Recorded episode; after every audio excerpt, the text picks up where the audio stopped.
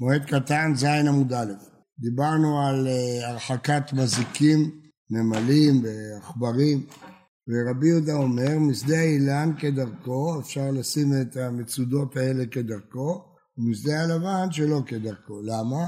כי בשדה האילן העכברים האלה עושים נזק מרובה, אז אפשר אפילו כדרכו.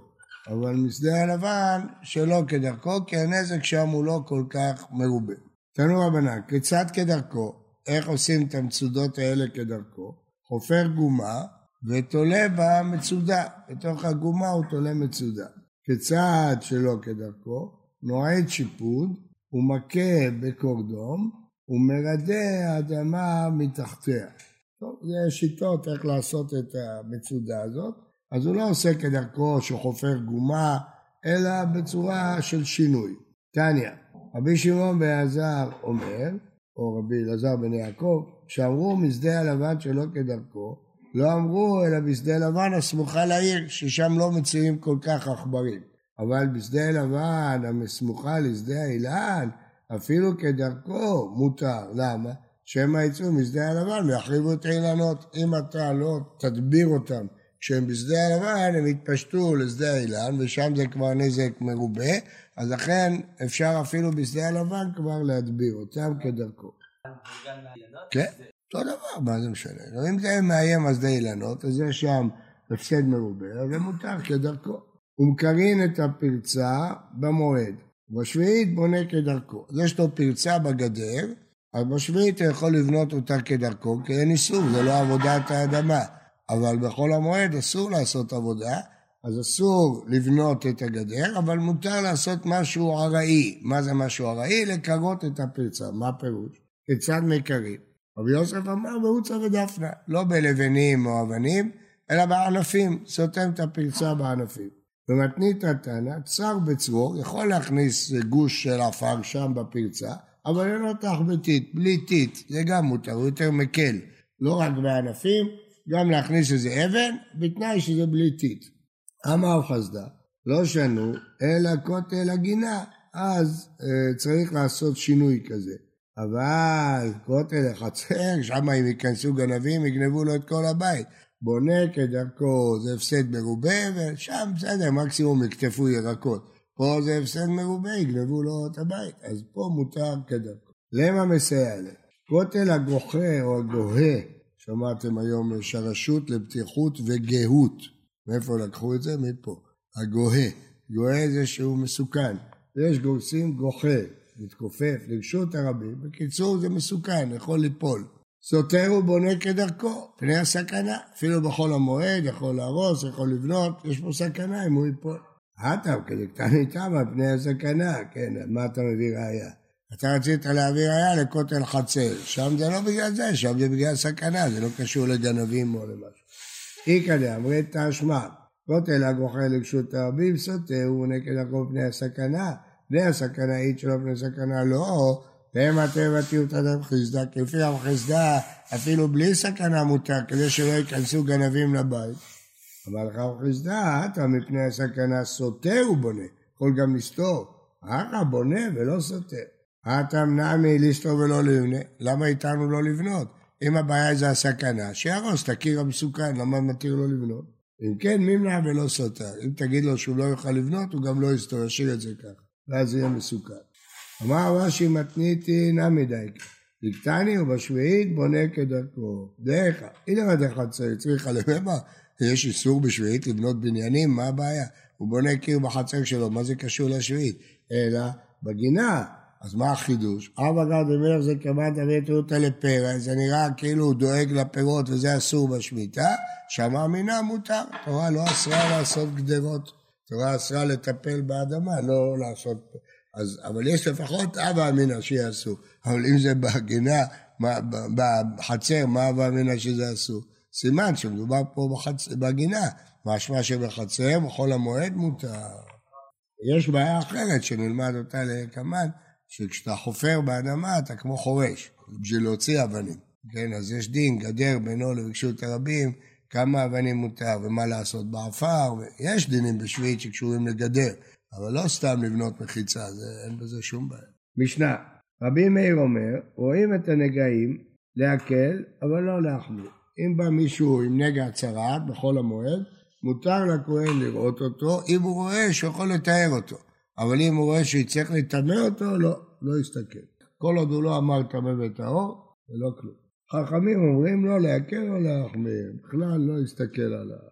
למה אסור לטמא בחול המועד? הוא שמחת בחגיך, מה יעשה אותו בודד? גמרא, תניא, רבי מאיר אומר, רואים את הנגעים להקל, אבל לא להחמיר. רבי יוסי אומר לא להקל, שאם אתה נזקק לו להקל, תזקק לו, אבל להחמיר. כלומר, באמת, ההיגיון אומר שיהיה מותר להקל. שמחת בחגיך, אז למה חכמים אוסרים גם להקל? כיוון שהוא יבוא להקל, הוא יבוא להחמיר. ברגע שיתחיל להתעסק עם הנגע, הוא כבר יבוא להחמיר. אה, אם אתה נזקק לו להקל, ילקק לו אף להחמיר. אמר רבי, נראים דברי רבי מאיר במוסגר, שאז רואים, ודברי אה, רבי יוסי במוחלט. יש אה, שני שלבים בצרת, שלב שמסגירים, ושלב שהם מחליטים, שקובעים שהוא מצורע. אז הוא אומר, מה שאמר רבי יוסי לא לעכב ולא להחמיר זה במוחלט. למה?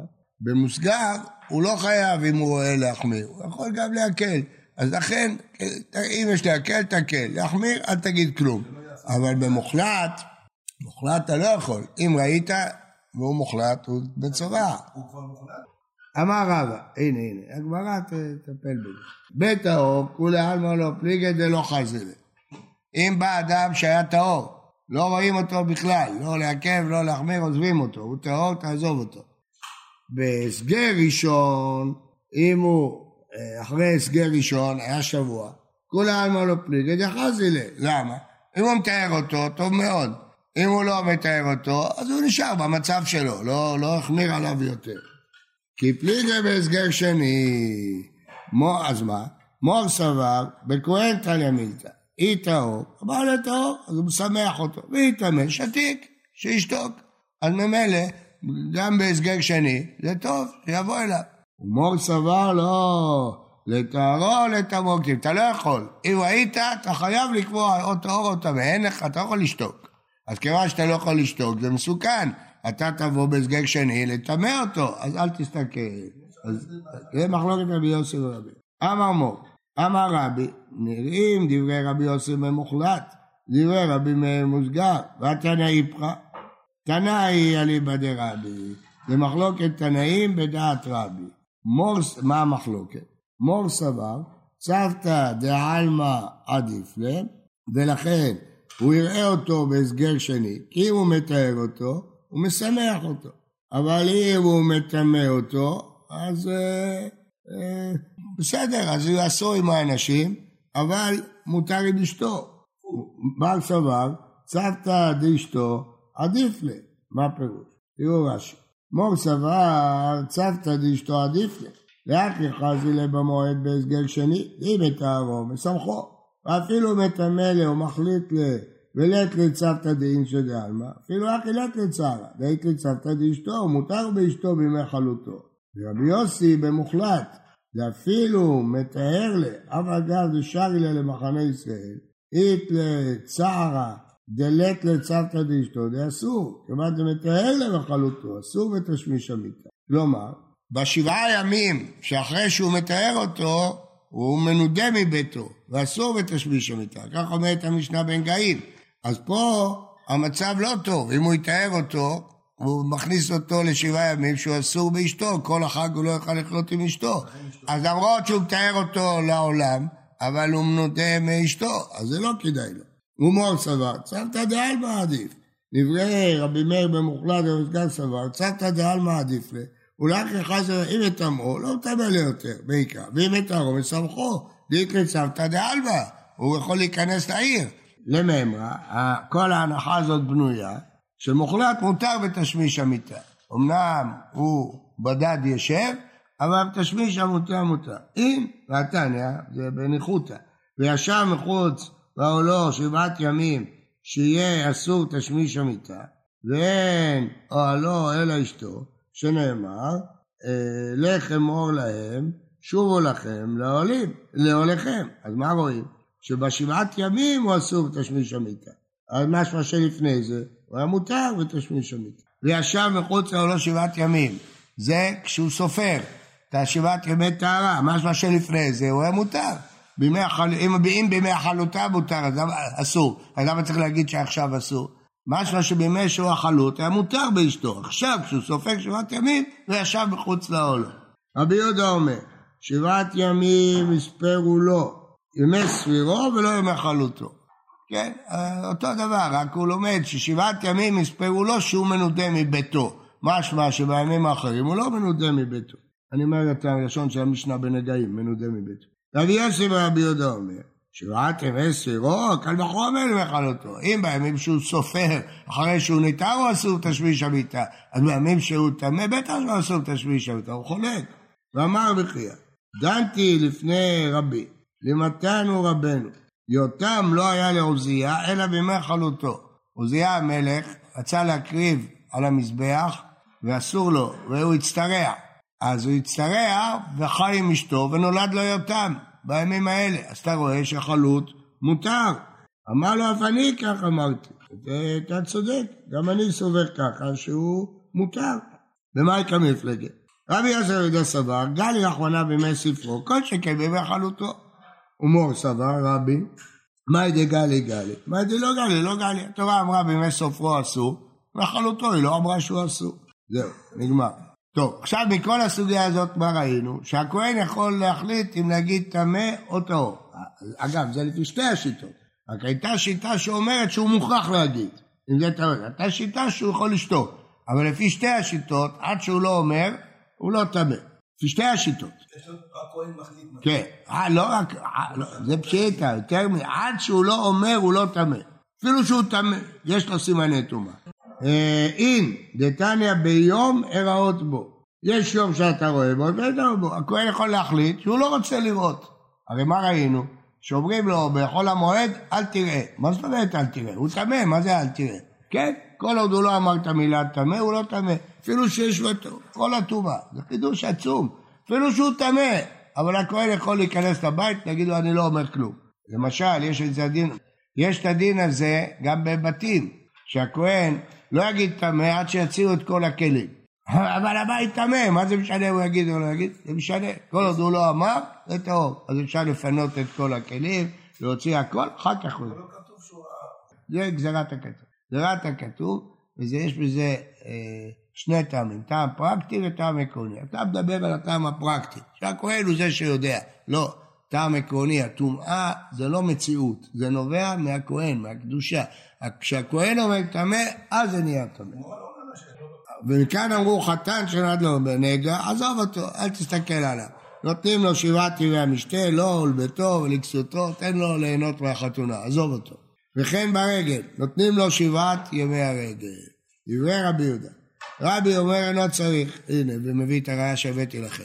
יש ראיה מפורשת מהתורה. הרי הוא אומר, וציווה הכהן ופינו את הבית. בית שיש בו נגע, והכהן רואה שיש בו נגע, שותק. אומר קודם כל תוציאו את כל הכלים. מה, לא, באשכול עוד הוא לא הוציא את המילה טמא? אם ממתינים לו לדבר רשות כדי שהוא ירוויח את הכלים, כל שכן לדבר מצווה, בטח בשביל חתונה, בשביל חג, זה סיבות יותר. מה בעיניי? מה אכפת לי אם לומדים מפה לומדים מפה? אבל בעיניי לא אכפת לי. משמעות דורשין יקבניים, משמעות דורשין פירוש שזה לא הבדל משמעותי להלכה. זה רק הבדל אם לדרוש לפה או לדרוש לפה, ולא להלכה. ואדרבה, דבר הרשות איכא בנאי. אם הכהן מחליט, יש לאיש הזה אה, נסיעה לחוץ לארץ. הוא, יש לו עבודה חשובה. אומר הכהן, אני אעזוב אותו שבוע, אני לא אסתכל. דבר הרשות. אז לפי רבי, כן, אתה רואה שממתינים עד שיוציאו את הכלים מהבית. אז הוא אומר לו, תשמע, יש לי מחר לחתום על עסקה שאני יכול להרוויח בה הרבה כסף, חכה, אל תסתכל עליה. האם מותר או אסור? לפי רבי מותר. מה הראיה? שממתינים לבית עד שיוציאו את כל הכלים, זה רק הפסד ממוני, זה שום דבר. רואים שבשביל הפסד ממוני התורה חסה על ממונו של אדם, ואמרה לו תתעכב. אז גם אם הוא יגיד יש לי איזו עסקה חשובה, אומרים לו תחכה, תן לו לגמור את העסקה. אבל לפי רבי יהודה, לא, מה פתאום. מה? זה בתורה כתוב, מה זה מוזכר על כולם? זה פסוק בתורה. בפירוש בתורה, זה לא דרשה, ציווה הכהן ופינו את הבית, אחר כך יבוא ויאמר. מפורש, תקרא בתורה. מה? בסדר, איך הוא יפרש את הפסוק? זה נראה, הוא לא, הוא יגיד שזה דין מיוחד, שהתורה חסה על הכלים. ורבי יהודה, הנה, הנה, מעטם לא גמרינא דחידושו. בדיוק מה שאמרתי לך. זה דין מיוחד, בבית. זה העצים והאבנים בעלמא לא מתאמו, כל התורה של בית זה חידוש. אז אתה לא לומד, זה פה התורה הקלה, בתורה של בית. אבל בתורה של גוף, תורה לא הקלה להגיד בוא נחכה עד שהוא יעשה את העסקה שלו. לפי רבי יש פה חידוש עצום, שבשביל לחסוך כסף אתה יכול להקל עליה. אגב, זה לא מוסכם. זה ככה הבין רבא, אביי ודאי שחולק על זה. אביי שאומר משמעות דורשים, משמע שאומר שגם לרבי אסור לדבר הרשות. אסור, רק בבית. אז, אז, אז הוא לא לומד ככה. ולכן הוא אומר אין נפקא מינה, אבל רבא למד שיש נפקא מינה הלכתית, שאם אתה מפסיד כסף תחכה, אל תראה אותו. בוקר טוב ובריא לכולם.